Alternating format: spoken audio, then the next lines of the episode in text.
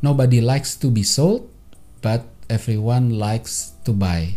Jadi nggak ada ini susah banget sebenarnya translasinya ke bahasa Indonesia itu be sold itu apa gitu. Tapi uh, apa ya mungkin nggak ada yang suka dibuat membeli. Dibuat membeli to be sold adalah dibuat membeli tapi orang suka membeli gitu kan. Nah ini pernyataannya terasa kontradiktif tapi punya banyak makna yang bisa kita kasih pegangan baik untuk orang marketing apalagi orang sales Nah, dalam praktek sehari-hari orang sales dan marketing ini kan udah biasa pegang target penjualan, ayo harus bisa jual dan lain sebagainya gitu kan. Uh, targetnya sering kali di atas apa ya, di atas batas nalar gitu ya. Tapi akhirnya ya harus dikejar dan kita mati-matian menghalalkan segala cara untuk ayo, ayo nggak punya malu untuk dipus terus deh, di Uber terus gitu ya. Nah, uh, misalnya orang-orang yang jualan asuransi ngotot bilang udah punya gitu kan, wah uh, konsumennya bilang udah punya ya mbak saya udah punya mbak, oh kan bisa double cover pak, ini gini gini gitu kan. Yang di highlight itu hanya benefit ya, tapi nggak pernah secara fair ngebahas bahwa eh di atas benefit yang itu cuma additional, preminya itu pun juga additional gitu. Jadi kalau gue nggak butuh-butuh banget, gue udah punya gitu loh. Kenapa gue harus bayar lebih kan konsepnya itu gitu. Atau juga ada orang-orang jual pinjaman entah kartu kredit, entah KTA, entah pinjol gitu ya. Uh, telepon biasanya ngomong selamat ya bapak terpilih untuk mendapat fasilitas pinjaman uh, apa uh, spesial gitu ya. Uh, berusaha untuk bangun sense of privilege-nya gitu ya. Tapi sayangnya orang yang orang yang ditawarin tuh nangkepnya adalah ini gue kayak ketiban ketiban apes gitu ya karena gue ketimbang di apa ya di uh, di diberdayakan gitu ya gue malah merasa di diperdaya gitu. Seolah-olah gue kayak oh gue terpilih ya hebat ya gue ya dan selalu fokusnya itu sama bunga rendah ngas ngesampingin kebutuhannya ada apa nggak pokoknya. Tapi kan sayang pak gitu kan. Kebutuhan kan kita nggak pernah tahu. Iya bener nggak pernah tahu. Tapi kalau sekarang nggak ada tuh habis itu mau gimana? Masa gue harus pinjam dulu? Bunganya mulai dihitung terus habis itu nanti kalau nggak ada terus gue apes gitu kalau walaupun kalau ada terus habis itu kepake. Jadi itu tadi gitu banyak yang kayak gitu. Nah ini semua menyalahi basic konsep uh, pernyataan yang tadi. Nobody likes to be sold but everyone likes to to buy gitu ya nggak ada yang mau diperdaya untuk beli ketika orang melakukan dengan cara-cara ini ketika orang jualan cuma fokus sama apa yang mereka dapat dan nggak consider apa yang didapat konsumen maka uh, apa namanya ya make sense banget kalau mereka ngerasa diperdaya gitu. Itu lalu ada yang bilang, lo kan kita jual keunggulannya gitu kan, bunga rendah, mengcover penyakit kritis kalau jual asuransi gitu ya, bisa double cover, proses mudah. Iya, tapi masalahnya adalah keunggulannya tuh gak relevan kalau mereka nggak butuh gitu. Jadi keunggulan itu kan baru feature, nggak itu baru jadi benefit ketika orangnya butuh. Kalau nggak ya nggak gitu. Nah uh, apa namanya uh, apa uh, kita kita perlu ngerti kenapa orang nggak suka to be sold gitu ya. Yang pertama adalah survival. Ini program dasar otak kita gitu ya. Mekanismenya kita selalu waspada sama apa pun yang belum ada di database kita. Ketemu orang, ada telesales telepon gitu ya. Bahkan kita masuk masuk rumah baru pun kita sebenarnya celingak-celingak atas bawah kan kita ngeliatin itu untuk berusaha sense making. Ini apa nih? Gue harus hati-hati apa enggak? Jadi sama begitu ada telesales telepon pun kita eh tunggu nih orang baik apa orang jahat atau orang mau apa ngadalin gua aja gitu ya. Nah, uh, apa namanya? Termasuk kita ketemu orang, kita perhatiin dari ujung atas kepala sampai ujung kaki berusaha dapat sinyal kayak ah, apa kayaknya berantakan nih, kayaknya bukan orang yang oke okay dan ya kayak gitu-gitu ya. Gesturnya aja sombong banget kayaknya ini nggak nggak bisa dipercaya dan lain sebagainya ya. Dan sering kali otak harus kasih label terhadap orang ini harus ngambil kesimpulan dari informasi baru itu ya entah orang, entah telepon itu secara cepat gitu. Dan supaya bisa cepat dia harus ambil dari database gitu ya. Uh, gimana caranya dia memproses itu? Dia ngelihat sinyalnya ada sinyal apa gitu ya. Misalnya oh masuk ke hotel aduh hotelnya tua gitu ya. Di database itu hotel tua itu serem. Jadi terus kita langsung kasih label hotel ini serem gitu ya. Terus sales yang banyak ngomong terus nggak bisa dipotong gitu ya.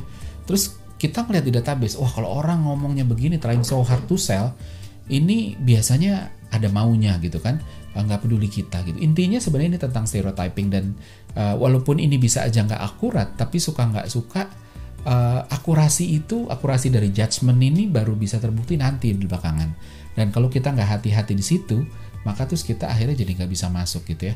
Uh, apa namanya? Nah maka dari itu kalau mau berhasil uh, jangan ngelakuin sesuatu yang bikin orang menganggap ini sebagai ancaman. Karena orang punya apa ya program dasar untuk survive gitu ya kuncinya kan reciprocity gitu ya orang bilang lu baik gue baik lu jahat gue jahat gitu ya problemnya bahkan ketika semua orang pegang prinsip ini nggak ada yang mau make the first move gitu ya uh, orang kebanyakan ambil posisi pasif gitu ya. Uh, kita diajarinnya take and give gitu ya. Akhirnya semua take dulu kan, take dulu baru give, ambil dulu baru ngasih gitu ya.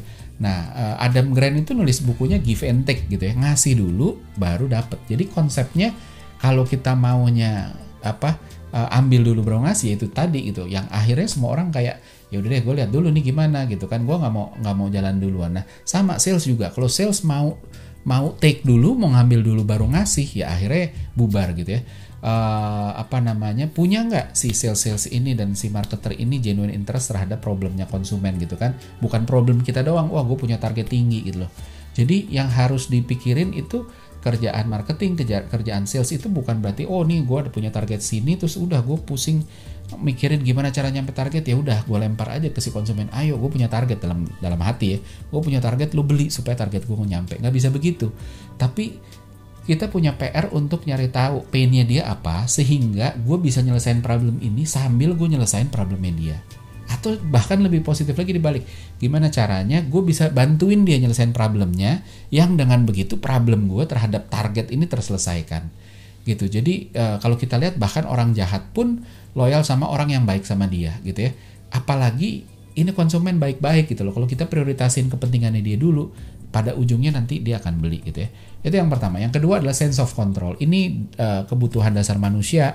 Orang stres ketika nggak punya sense of control kerjaan banyak gitu tapi nggak bisa nolak nggak ada waktu uh, bos nyebelin gitu ya tapi masih butuh gajian. Aduh gue sebel banget sebenarnya pengen gue pengen resign aja deh gitu ya. Tapi gimana ya masih butuh gajian ya gitu ya. Terus uh, sakit nggak sembuh sembuh dokter juga geleng-geleng gitu. Itu hal-hal kayak gitu yang bikin kita stres karena kita nggak punya sense of control itu. Nah dalam proses pembelian konsumen juga mereka mau punya itu gitu ya.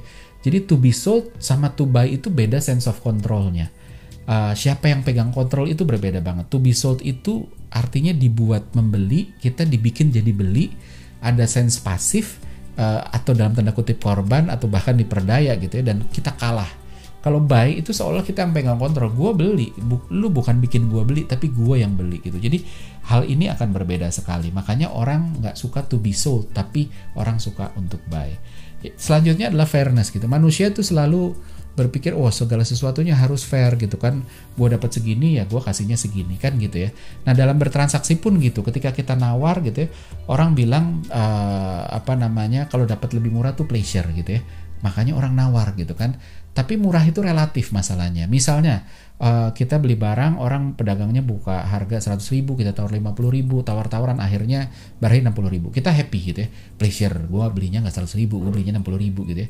Tapi begitu pulang terus habis itu kita lewat satu toko lain yang kita lihat ih kok harganya cuma 40 ribu? Terus kita langsung rasa wah ini nggak fair ini sebel. Artinya harga itu relatif dan dan ya itu tadi orang memang tidak melihat uh, apa pleasure-nya kalau nggak ada komparasi pleasure itu didapat dari oh kita dapat lebih murah. Tapi ketika ada komparasi kita uh, melihat dari uh, apa pun yang paling murah gitu loh. Jadi itu tadi. Jadi konsepnya adalah orang mau apa kalau konsepnya itu orang mau bayar sesuai kemampuan barang awal 100 ribu berakhir di 60 ribu artinya kan gue mampu makanya gue oke okay dengan 60 ribu gitu. Tapi kenapa begitu ada 40 ribu terus jadi mutung? Padahal gue mampu bayar 60 ribu gitu ya. Artinya teori ya cuma teori bahwa orang mau bayar sesuai kemampuan itu cuma teori. Uh, yang benar itu adalah orang mau bayar sesuai uh, fairness sesuai sesuai kelayakannya. Layaknya berapa sih? Bisa dari value yang dia dapat bisa dari orang lain mau bayarnya berapa sih gitu ya. Nah ada satu contoh uh, apa namanya percobaan di psychology namanya ultimate ultimatum game. Ini contohnya gini si A ini ngasih uh, uang ke si B gitu ya. Uh, yang tahu uang yang dikasih A ke B itu cuma mereka berdua.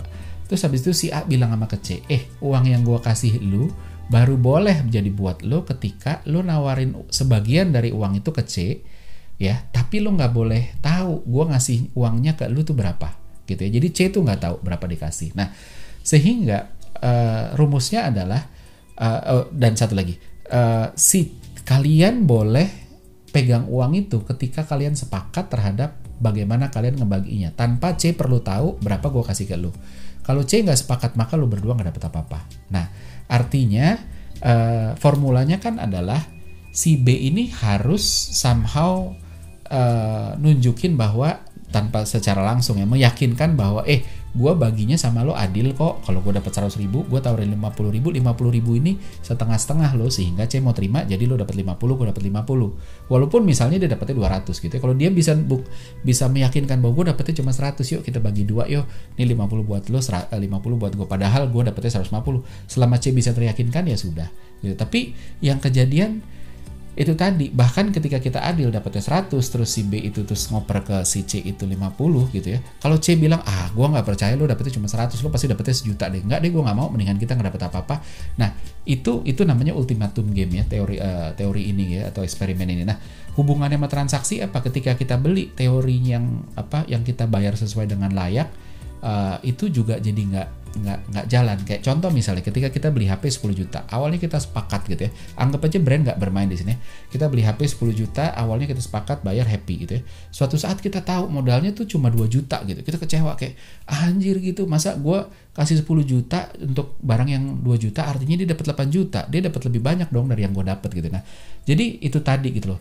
Uh, to be sold itu ada unsur fairnessnya juga harus dilihat gitu loh ketika orang nggak suka to be sold karena terus abis itu kayak nggak ada fairnessnya kayak aduh ini menguntungkan dia doang gue nya enggak. Nah uh, apa namanya balik lagi to be sold itu ada unsur memperdaya kecurigaannya tinggi penjualnya yang ngedrive gitu kan dan nggak uh, si apa ya si konsumen tuh nggak ngerasa ini fair nih gitu loh. Uh, sementara to buy itu pembeli yang ambil peran aktif seolah-olah salesnya nggak pushy gitu ya lu tuh bantuin gue doang ini gue yang ngedrive semua gitu. Dan itu totally different gitu. Dan pada akhirnya yang harus kita lihat yang harus kita sadar adalah ketika kita mau ngejual baik itu sales marketing gitu ya sales message sales conversation gitu ya atau marketing message itu lebih kepada yang bagus ya itu lebih kepada uh, friendship conversation gitu. Pembicaraan kayak sama temen aja yang ya udah gue nggak pushy gue lo butuh apa gue bantu kalau nggak ya ya udah nothing tulus. Sehingga nggak ada kecurigaan uh, ngerasa ada fairnya, ada kehendak bebas gitu, ada ada sense of control sehingga berakhir happy untuk to buy not to be sold gitu dan dan uh, poin-poin tadi orang ngerasa punya sense of control, orang dapat fairnessnya, orang uh, tidak curiga karena uh, apa namanya mereka juga tetap harus survive itunya tercapai.